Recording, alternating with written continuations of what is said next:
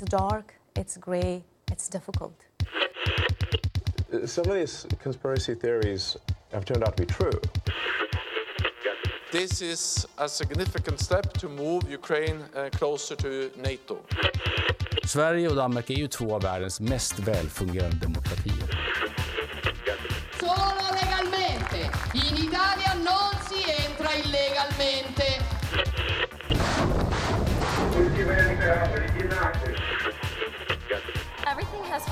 Place. I feel really good about where I am right now. Fredrickson of Denmark and uh, the Min- the Minister Jacoba, daughter of Ireland. Do you guys ever think about dying?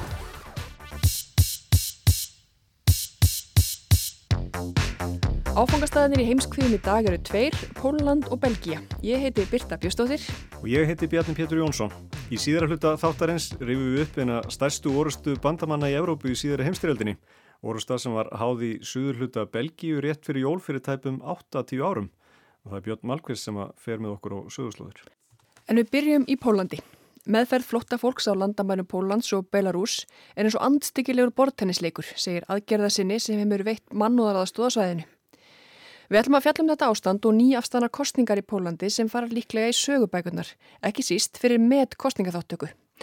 Og hingaði komir Óluf Ragnarsdóttir. Óluf, þú fórst til Varsja á síðustu helgi og fylgist með kostningunum, en þú varst þannig reyndar síðast 2019 þegar var kosið ekki rétt. Jú.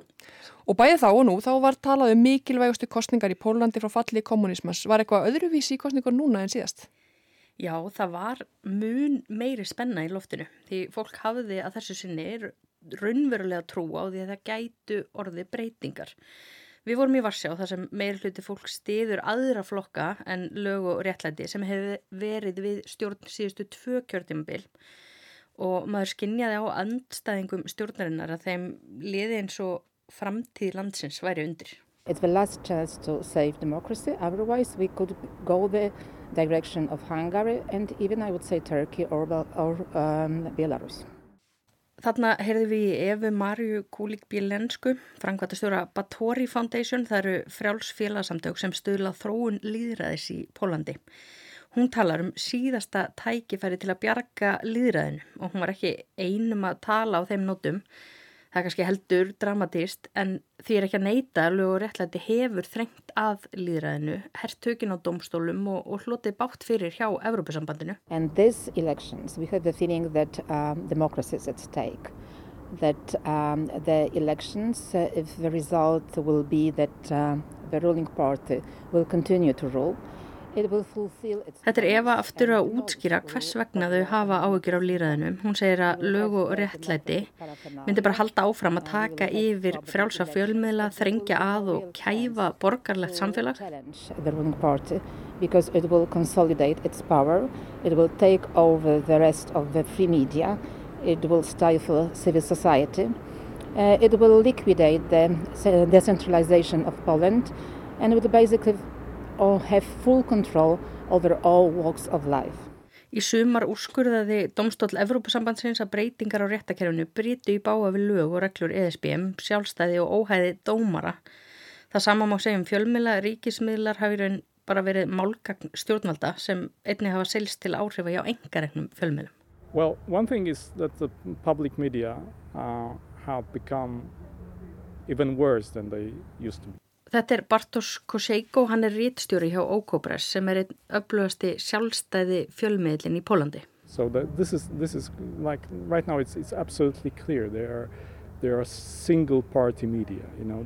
They, they don't inform about facts, you know. They don't, they, they're not really, they don't really care about it. So, you know, the, the, the only goal of, of their broadcast and, and uh, all kinds of activities are basically to, to support Law and Justice Party. And it got worse. And over the last uh, weeks it's just, you know, it's just crazy. Bartó segir stjórnvöld ítrekkað ráðast gegn þeim. You know, imagine that uh, politician calls a journalist a traitor on a regular basis. So we are traitors. We are just basically we, we are not we're not even Polish to be honest. Like like in the, the like in the, in the sort of if, if you listen to them, we're just we're agents of, of, of foreign powers. You know, that's that's that's who we are. Hann segir daglegt brauð að stjórnmálafólk kalliðu svikara. Þessu svikarar og í rauningin svona pólverjar heldur útsendarar erlendra abla og það séu frekar konur en kallmenn sem verða fyrir þessum árásum. Just the journalists are especially especially women to be honest. Like uh, it's a, it's a, it's a uh, I think it's a pattern. You know, it's usually the uh, female journalists that are attacked. You know, more than male. Og talandi um konur og stöðu kvenna, það var með kjörsókn í kostningunum 15. oktober og konur letu þar ekki sitt eftir líka þannig. Alls ekki, það var aldrei fleiri konur mætt á kjörstaði í Pólandi e, sem átti líka sinn þátt í því að stjórninni var stiftastóli og kannski líka í því að eftir þessa kostningar setur metföldi kvenna á þingi í Pólandi. E, núna eru konur um 30% þingmanna en á síðasta kjörðumbili úrskurðaði stjórnlega domstóli í Pólandi að það væri óheimilt að leifa konum að gangast undir þungunarof þó að fóstugallar væri fyrir hendi og það vakti mikla reyði víðar enn í Pólandi.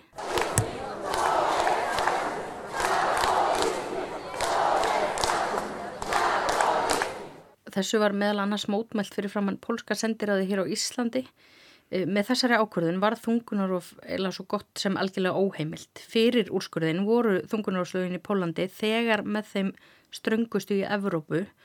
Konur máttu aðeins gangast undir þungunarof ef umvarraða fóstukalla, sifjaspell eða nöðgun eða ef lífkonar var í hættu. Og næstum allar löglegar aðgerðir þar sem þungun var rofin voru emitt vegna fóstukalla eða um 98% en það voru fleiri mannrettindamál sem brunnu og á sunnudag. I don't accept, let's say, actions like when they want to, let's say, create some support, then they are looking who could be the good enemy inside of Poland. Yeah, so, okay, LGBT, good. Yeah, let's make an action in mass media that LGBT will destroy Polish families. Yeah, this is unacceptable for me. I don't want to live in a country like that. Marcin Glinski, kjósandi í Varsjá, sað okkur að húnum þætti óásættanlegt hvernig löguréttlæti gerði ákveðna þjóðfélagshópað óvinnum eins og til dæmis hins einn fólk. Það var ábyrjandi í kostningunum 2019 og hann segist ekki vilja bú í landi þar sem stjórnvöld haldi því að fólki að hins einn samfélagi sé að eidilegja pólskar fjölskyldur. Uh, annar kjósandi sem við rættum við í Varsjá er Malín. I think for a lot of people in this country, and myself included, um, the main question is are we looking backwards historically or are we taking a step forward? So it's about um, the environment, but not just it's about human rights, women's rights, um, building a country that is modern, that is uh, built on the understanding that people are different. Fyrir Malin er þetta spurning um það hvort Pólland ætla að horfa aftur á bakk eða áfram uh, og byggja upp samfélag sem er ekki einsleitt. Og svo voru þið í höfuborginni Varsjá fyrir kostningarnar og yfirkostningarnar en þið rákust nú ekki á marga þar sem að styðja lög og réttlæti en hann er samt stærsti flokkurinn á þingi eh, og var fyrirferðað mikill í síðustu kostningum. Getur sagt með það svona fyrir hvað stendur flokkurinn og hverjir eru hans helstu kjósendur? Já, það er mjög áhugavert að skoða á korti hvernig atkvæði pólveri að falla. Það er svo til hægt að skipta landinu í austur og vestur. Meiri hluti kjósenda í vesturlutanum kýrs stjórnar andstöðu að meðan austurlutin er hliðhóllur lögum og réttlæti. Eldra fólk, trúa fólk og þau sem bú í dreifbili eru likljari til að stiða flokkin. Þessi flokkur lög og réttlæti vil standa vörðum pólsk gildi og kathólk gildi.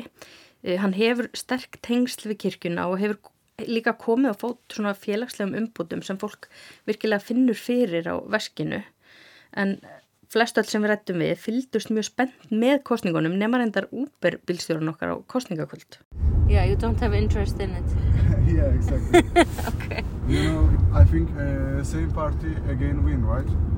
No, it, no? it appears to it's be changed? a democratic coalition. Really? Yeah. Oh my goodness.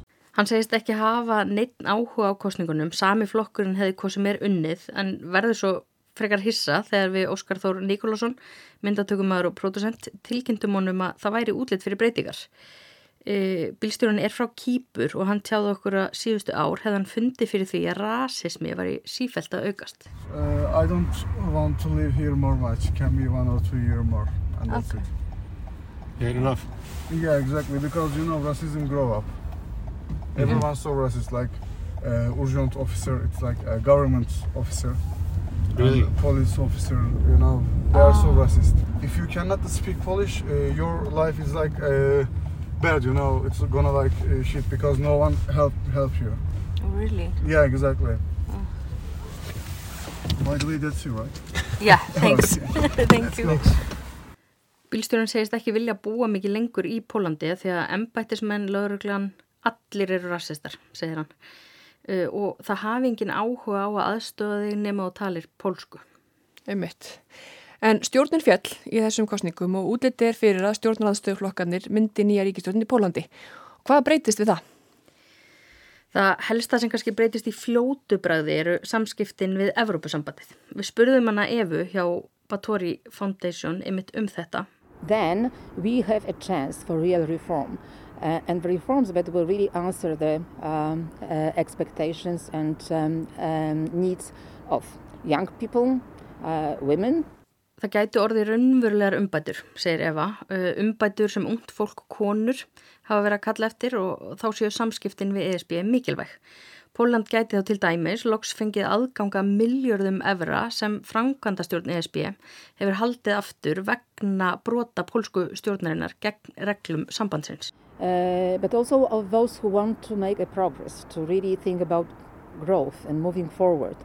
And the result will be, and this is important, that we will establish much better relations with the European Union, which means we will be able to get something that we've been waiting for almost more than two years, that is money from the National Recovery and Resilience uh, Plan to introduce the necessary changes and uh, reforms after the COVID period to get out of the consequences of pandemia and enormous inflation that we have in Poland.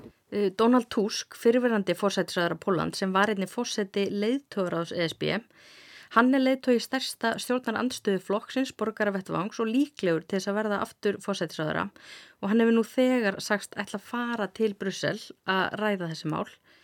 Uh, flokkarnir sem eiga líklega eftir að mynda nýja stjórn í Pólandi hafa líka lofað að ringa aftur lögum þungunarof og hugaða mannréttindum hins einn fólks. En fyrst þarf þetta myndastjórn og það fer þannig fram í Pólandi að fósettin veitir umboð til stjórnarmyndunar og flokkur fósettans, Andrei Dúta, er löguréttlæti. Það er hefð fyrir því að leiðtói stærsta flokksins fái umboð fyrst sem væri þá löguréttlæti en Dúta hann hyggst ræða við fulltrúa allra flokka sem fengu sæti á þingi í næstu viku. Já eins og þú segir, fósettin kemur úr röðum laga og réttlætis og hann hefur neitunavaldið ekki? Jú, hann hefur það og því að þetta þægilega hafa hann í sínu liði en eh, ef hann beitir neitunarvaldi geta þrýr fymtu þingmanna snúið í við en flokkarnir sem fara líka stil í stjórn þeir hafa líka þæginlegan meiri hluta í öldungadeildinni. Öryggis og samfunnustofnun Evrópu hafði eftirlit með kostningunum í Pólandi á sunnudag. Já, hvað kom fram í þeirra niðurstu?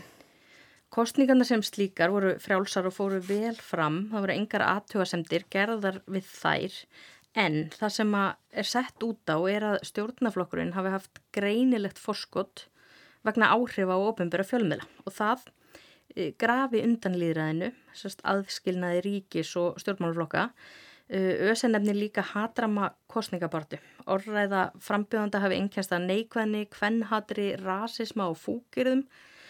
Lög og réttlæti er populískur þjóðartinsflokkur sem áða til að finna sér óvinn, sérstaklega svona í aðdraðanda kostninga. 2015 var það alveg flóta fólk, þá var fjöldin allir á fólki að koma til Evrópu, sérstaklega frá Sýrlandi. 2019 var það hins eginn fólk sem var ókn við samfélagið, en núna var það aftur flóta fólk. Það voru, var þjóðaratkvæðagreisla sem fór fram samlega þingkostningunum og tvær spurningar voru tengdar flóta fólki. Önnur um það hvort pólverar væru hlindi því að hleypa þúsundum flóta fólks frá miðausturlöndum Afríku inn í landið líkt og ESB sé að þvinga upp á Póland, svona svolítið leðandi spurning. Já, það var orðað svona á gjösselinu. Já. Já, og hinum vegg sem var reistur á landamærunum, landamærum Póllands og Belarus sem kannski takaða fram að það var aðeins 40% þáttaka í henni með við 73% í þingkostningunum og hún er því ógild þessi þjóðratkvæðast. Já, greinlega ekki allir sem að vilja taka þátt í þessu. Nei. En talandi um landamæri Póllands og Belarus, uh, ástandi þar hefur nú ekki fengið svo mikið pláss í alþjóðlegum fjölumennum í allaveg ekki upp á síðkasti. Nei, einmitt. Þar er samt fjöldi fólks á einhvers konar innskinsmarslandi við afar báar aðstæður. Það eru engin alþjóðleg hjálparsamtök á sæðinu og allt hjálparstarfið því borið upp af bara pólskum sjálfbúðaliðum og samtökum og við rættum við uh, tvo fulltrúa þeirra, þannig að önnu Alboð sem er hjá Minority International og grúpa Granitja og Pítur Bistreinen hjá samtökum sem heita Ósja Leni. Uh, þau hafa bæði verið sjálf þarna á landamærunum og við skulum bara láta þau um að útskýra þetta fyrir okkur. Two years ago, Lukashenko, dictator of Belarus, opened an uh, superficial Fyrir tveimur árum opnaði Lukashenka einræðisherra í Belarus falska leið fyrir flóttafólk til Evrópu í gegnum Belarus. Þetta er enn í gangi og í hverju viku koma hundru til Pólans án þess að fá stuðning frá ríkinu. Crossing the border without a permit is not a criminal offense. Það er ekki lögbrott að fara yfir landamærin án leifis. En fólk er pyntað og þeir aðbil deyr á landamærum ESB í Pólandi. Those are people from dozens of different countries, from Middle East and from Africa. Þetta er fólk frá tögum mismunandi ríkja, frá miðausturlöndum og Afriku. Það er í mjög misjöfna ástandi. Og vegna þess að það er 5 metra há girðing á landamörunum sem er hægt að fara yfir. Þess vegna er fólk að koma í verra ástandi. Það dettur og slasa sig á girðingunni. Uh, getting injured by crossing the fence. We are providing them with humanitarian support, which means food, water, clothes, uh, other Við veitum mannúðaraðstóð, mat, vatn, fött og annað sem þarf til að lifa af í skóginum, sérstaklega þegar það er kallt úti og einni hluti sem börn þurfa.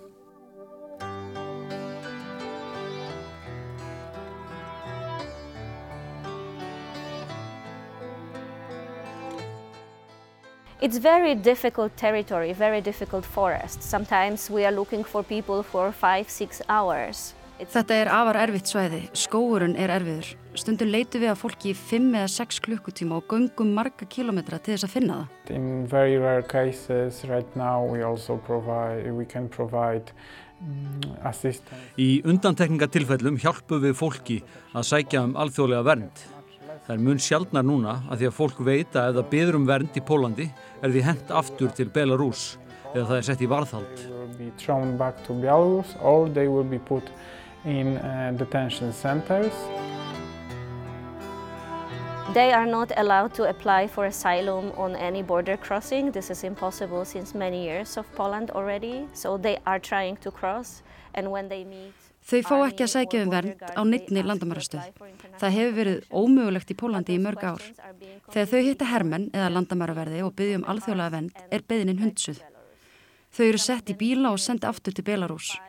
Sum eru sendið baka tvísvar, fimm sinum eða jafnvel tíu sinum. On the Belarusian side there is also violence. People are beaten, their belongings. Belarus megin mæta þau ofbeldi.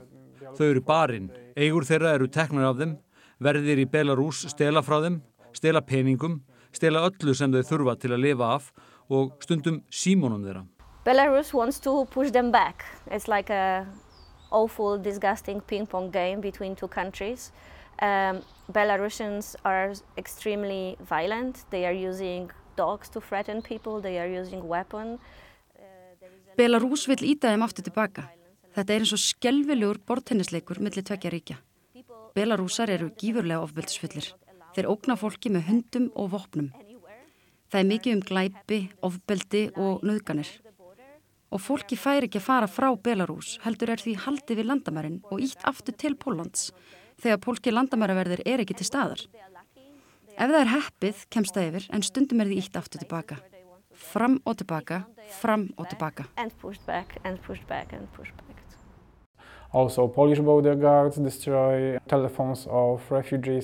Pólskir landamæraverðir eidilegja líka síma flótafólks og í skóginum er sími lífsnöðsynlegt tæki. Í honum er kort og það er hægt að kalla á hjálp. Að eidilegja síma getur þýtt það að fólk þjáist eða jafnvel deyr. If they are destroying the phones, uh, sometimes it means that somebody will uh, suffer or even somebody can die. There is at least 50 uh, confirmed deaths on the border in the last two years. Um, Það eru að minnstakosti 50 staðfyrst döðsföll síðustu tvö ár. En við erum líka í sambandi við fjölskyldu fólk sem er saknað. Þau heyrðu síðast í þeim þegar þau voru á landamærunum en hafa ekkert heyrt síðan. Það eru yfir 300 á listanum hjá okkur.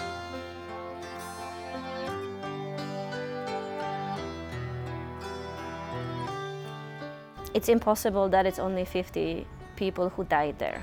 Það er útilokað að aðeins 50 hafi dáið. Aðstæður í Östupólandi, sérstaklega á veturna, eru afskaplega erfiðar.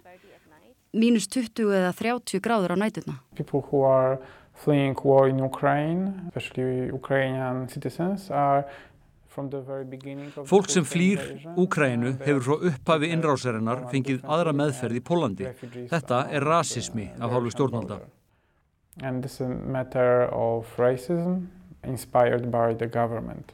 I personally have been few times in situation that we were going to some group of people that was calling for help Ég hef persónulega verið nokkru sinnum í þannig aðstæðum að við erum að leita að fólki sem hefur óskað eftir aðstóð og í leiðinni reykustu á fólk sem hafði ekki haft samband við neitt og er það ítla á sig komið að það hefði ekki lifað af ef við höfum ekki fundið það. Þess vegna er ég vissum að mun fleiri en 50 hafi dáið. Uh, Polish government communicate to society that those people are a threat. Þegar ástandið hófst á landamærunum við Belarus sendu stjórnvöld þau skilabóð að hætta stafaði af þessu fólki og stjórnvöld ætluði að vernda samfélagið. But actually doing pushbacks is something which is contradicting Það að íta fólki frá vinnur gegn öryggi. Ef Póland myndi starfa samkvæmt pólskum lögum og alþjóðalögum og stoppa fólk og aðtöða hvaða kemur og hvers vegna það er á flotta, myndum við vita að deili á þessum þúsundum sem hafa komið yfir til Evrópu síðustu tvö ár. When the people started fleeing Ukraine, the government communicated that we need to help those people. Stjórnvöld senda þau skilabóð að við þyrtum að hjálpa fólki frá Úkrænu og við þyrtum auðvitað að gera það. En við getum ekki mismunað fólki á landamærum Belarus aðeins vegna þess að það flýr frá öðrum löndum, flýr önnur stríð og ofsóknir. Þetta er bara kerfisbundin rasismi og tvöfalt siðgæði sem er ekki aðeins við líði í Pólandi heldur í öllu Evrópusambandinu. I think now people have knowledge uh, about what is the um, situation, what are the temperatures, that it's not easy. But it's still the... Ég held að fólk sé meðvitað um ástandi, að þetta sé ekki auðvelt. En þetta er samt fljótlegasta, ódýrasta og örugasta leiðin til Evrópu. Ef við berum þetta saman við til dæmis miðjarðahafið og flest komast leiðar sinnar, en sum eru óheppin og lenda í þessari ping-pong stöðu. Við höfum aðstofað 15 til 17 þúsund, svo þú getur ímyndaðir hversu mörg fara yfir án aðstofar. Það er þess verða að reyna, ég get skilið það.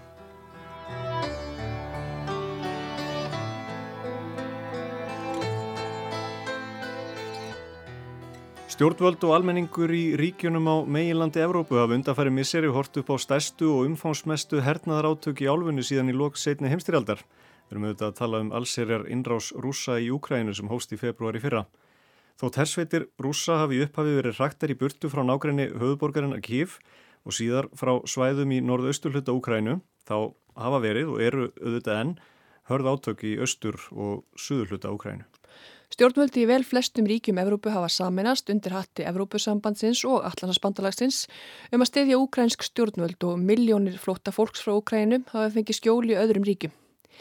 Innrásinn hefur líka haft viðtak áhrif á hvernig íbúar og stjórnvöldi Evrópuríkjum líta á öryggismál. Finnland let af áratuga stefnu um hlutleysi og fekk aðelda NATO og svíþjóðir á sömu vegferð þangað. Háværa rattir innan Evrópusambassist þrýsta nú á að fleiri þjóðum verði bóðið og þar á meðal Úkrænu í þennan klúb sem uppalega var stopnaður til að tryggja friðsamleg samskipti þjóða sem yðurlega höfðu borist á banaspjótum síðast fyrir um 80 árum. Á þeim tímapunkti ætlum við að beina sjónum okkar um stundarsakir, nána tiltekið í, í Belgíu á vetramánuðum ásins 1944. Björn Malmqvist fór á söguslóðir einna stærstu einstöku orustu bandamann í Evrópu sem var háði í suðu hluta Belgíu um það leitið sem jólinn voru að ganga í garð fyrir 79 árum.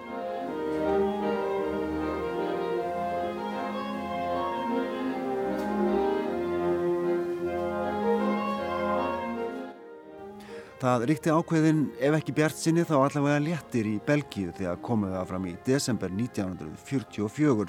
Fólk sá fyrir lokstyrjaldar sem hefði tætt Evrópu í sundur undan farin fimm árið að svo.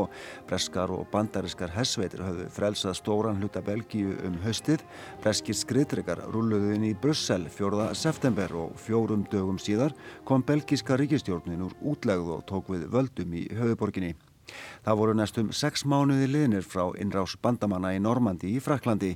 Þjóðverjar höfðu verið á undanhaldi og výlinan í Belgíu lágum Ardennafjöllin í söðuluta landsins um hæður og hóla og torfaran skó þar sem erfitt var að koma við vélknúnum hernaðatólum.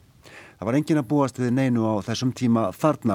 Fólk var að huga að framtíðinni, segir Pierre Liot. Hann er sagfræðingur og starfsmæður stríðsminjasafnsins í Bastogne, þar sem fjallað er um Ardennes-sóknina og átökin um Bastogne. People uh, think the war is over for sure, uh, but not. So the first uh, feeling is the, the fear, I think.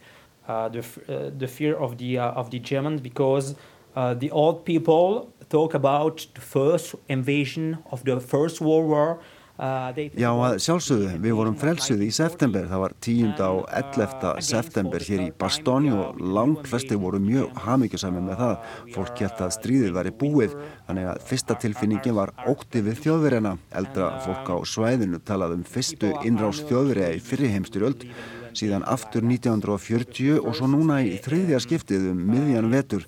Fólk var svo sannlega ekki tilbúið til að upplifa þetta aftur þannig að það voru allir mjög óttasleiknir.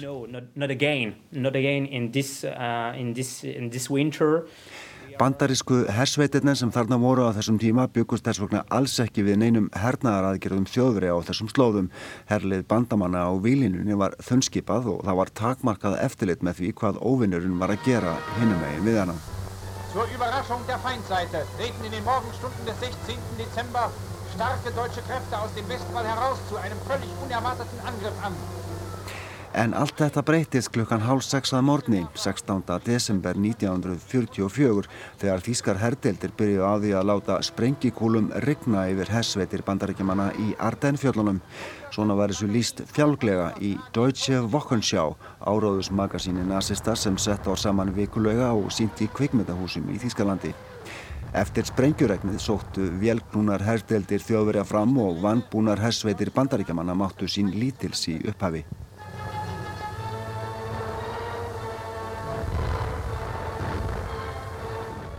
Takmark þjóðverja með aðgerðunum í Ardennfjöllunum var að sækja norður eftir Belgíu og ná Antwerpen á sitt vald, breyta stöðunni á Vesturvíkstöðunum og mögulega ná fram einhvers konar friðasamlingum eða vopnallið þeim megin til að þíski herin geti einbetsir að því að verjast sovjaska hersins í austri. Þjóðverjar söpnuðu þannig saman næstum hálri miljón hermana og þúsundum skriðdrega og annara farartækja og ætluðu sér í liftursókn á þremur stöðum yfir výlinuna. Það stóð þannig aldrei til að Bastogne er í stóru hlutverki í þessari aðgerð Þíska hersins en það þótti hins vegar mikilvægt að ná þessum 5.000 manna bæ sem fyrst. If you held Bastogne, you held the entry points, the gateways to most of Western France and most particularly the giant port city of Antwerp. Everything in the Ardennes is about getting the roads, getting the towns that control the roads. and never more than at Bastogne. Yfiráði yfir Bastogne þýtti að hafa aðgangað helstu leiðuminn í vesturluta Fraklands og leiðinni til Antwerpen, saði David Silbey, sagfræði profesor við Cornell háskalan í Bandaríkanum, í vitali í þætti þýsku sjónvastöðurinnar CTF um oristuna. Þannig að nokkrum dögum eftir að sóknu þjóðverja hófst voru þeir búinir að umkringa Bastogne. Þá voru þar í kringum 20.000 bandarískir hermenn, byrðir og skotfæri voru á skortum skamti, auk þess sem þessar hessveitir voru alls ekki útbúnar til að berjast í vetrarhörkum. Þannig að 22. desember sendi þíski hessaðingin Heinrich Freiherr von Ludwitz langort bref til bandarísku hessveitina um að best væri að þeir gefist upp. Móttakandi brefsins var bandaríski hessauðingin Anthony McAuliffe sem á þeim tíma var yfirmaður 101. deildar fallífa hermana sem voru sendir í skyndi til Bastogne eftir að aðgerðir þjóðverja hófust. Svar hans var öllu stittra en brefið frá fræherr von Ludwitz. On the 22nd, the German commander, ridiculously enough, demanded surrender of the surrounded town. I just replied nuts. for I knew that one word best expressed the feelings of the division. Ég svaraði með því að segja nuts. Ég vissi að það orð lísti best afstöðu minnar herdeldar, sagði McJúli við viðtali nokkrum árum eftir stríðið. It's, it's more than no, I think. It's, uh, it's uh, American argot that, that say uh, it's, it's more important than no. That means uh, we'll never surrender. Þetta er ekki bara nei held ég, þetta var meira við ætlum aldrei að gefast upp. Þannig að nuts svarið frá McJúli var sendt til þýsku hersveituna og þeir voru svolítið ráðviltir og áttuðu sig síðan á að þetta þýtti eiginlega farið til landskotans. Við ætlum að berjast þar mjög rauðan döðan til að verja Bastón, hermennina okkar og íbúa bæjarins. Ára sem helt áfram en Bastón fell hins vegar aldrei.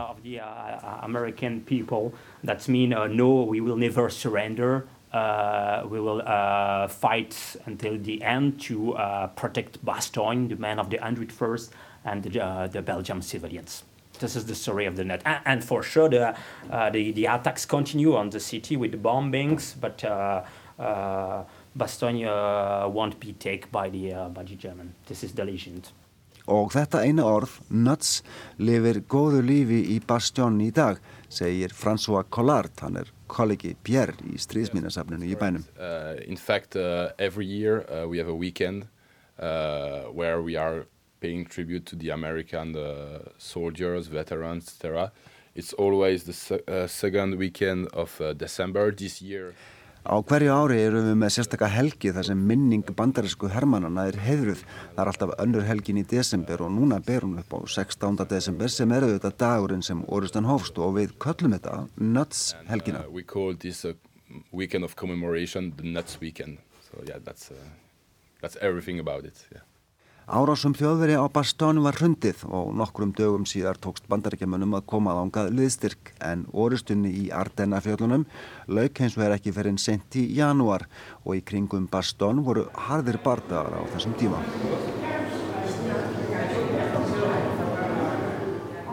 Það er farið nákvæmlega yfir gang bardagana í Bastón í stríðsminasafnunu í bænum.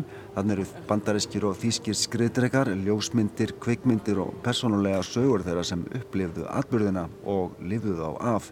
Safnið var opnað fyrir tepum tíu árum og hefur síðan þá tekið á móti um einni og hálfri miljón gesta. Og sagan er ekki aðeins sögð innan vekkja sapsins. Förutríðin vaksla hérna lóðbent upp í lofti 10-15 metra í Bois Jacques, Jacques Wood eins og bandarækjumenn kalla þennan stað.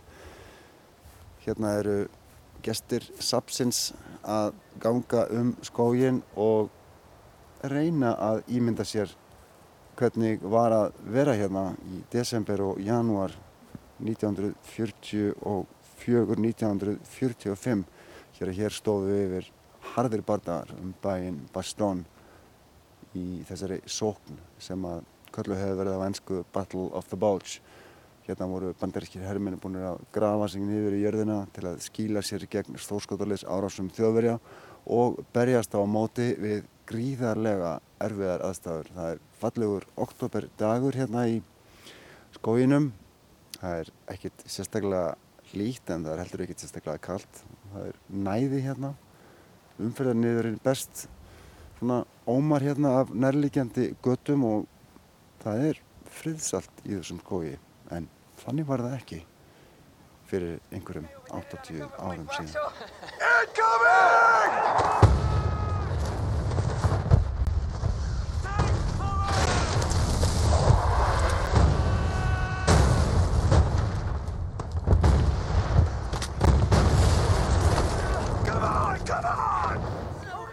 Þarna voru bandarískir fallega hermen úr Easy Company eins og það var kallað, búinir að koma sér fyrir til að undibúa árás á Foy, lítið þorp rétt hjá Bastogne. Þessi upptaka er úr þáttunum Band of Brothers, þar sem saga þessara hermana er sögð. Það er enþá hægt að sjá þessar skotgrafir sem er grófu í skóinum til þess að skýla sér fyrir sprengjukúlum.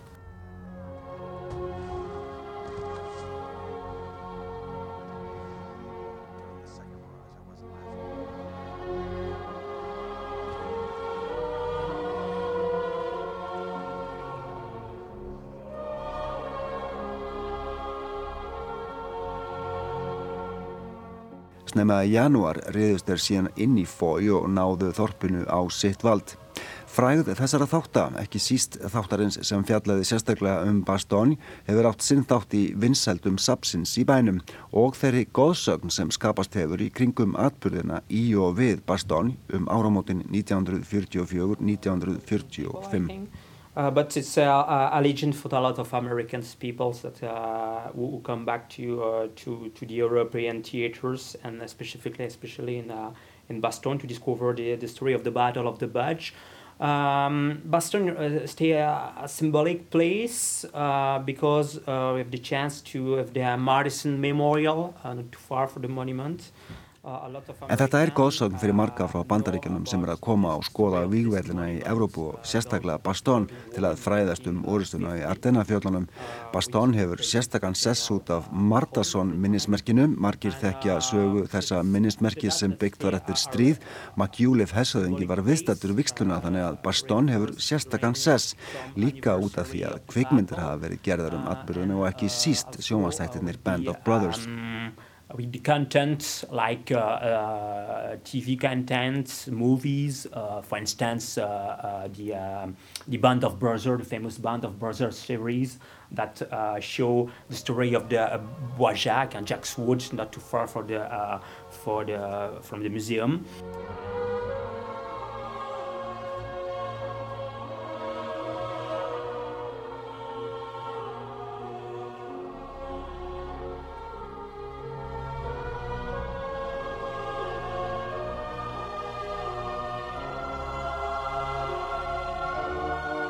Pér myndist þarna á Martarsson minnismerkið. Það stendur nálat sapninu í Bastón til minningar um bandariska hermenn sem fjallu eða særðust í orustinu í Ardennafjöllunum.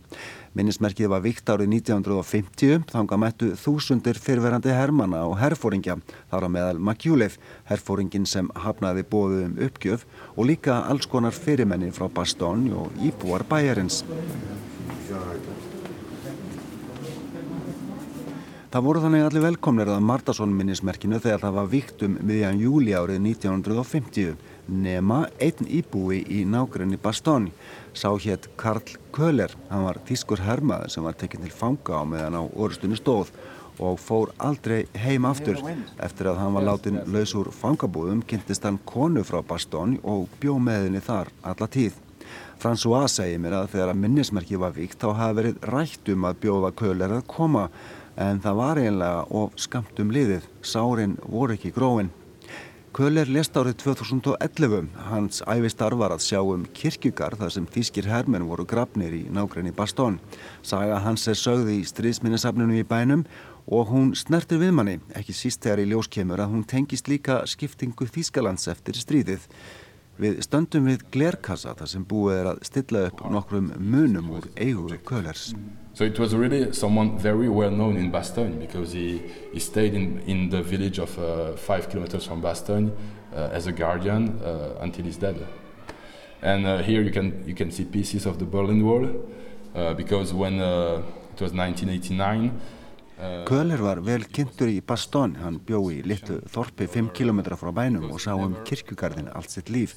Hérna sérðu líka nokkur brot úr Berlínamúrnum að hann fór þangað 1989 að því hann hefði aldrei séð fjölskyldu sína eftir stríðið. Hann var bara hér, giftist konu hérðan og pappans og mamma sendi honum bref og sagði honum að koma ekki aftur til Berlínar. Þau varu núna í Östur-Berlín og þar væri erfitt að lifa. Hann hefði það miklu betra í Belgíu. Þannig að hann var mjög hamingjusamur þegar múrin fjall og hann gætt farið aftur og hitt ætminni sín. He was very happy when the, the Berlin Wall was falling because he had the, the possibility to see his family very, very more often. Orgueilleuse Allemagne. La guerre en Europe est finie.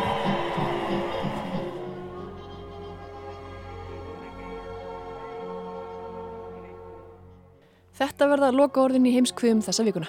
Við verðum hér á sama tíma í næstu viku. Takk fyrir að hlusta.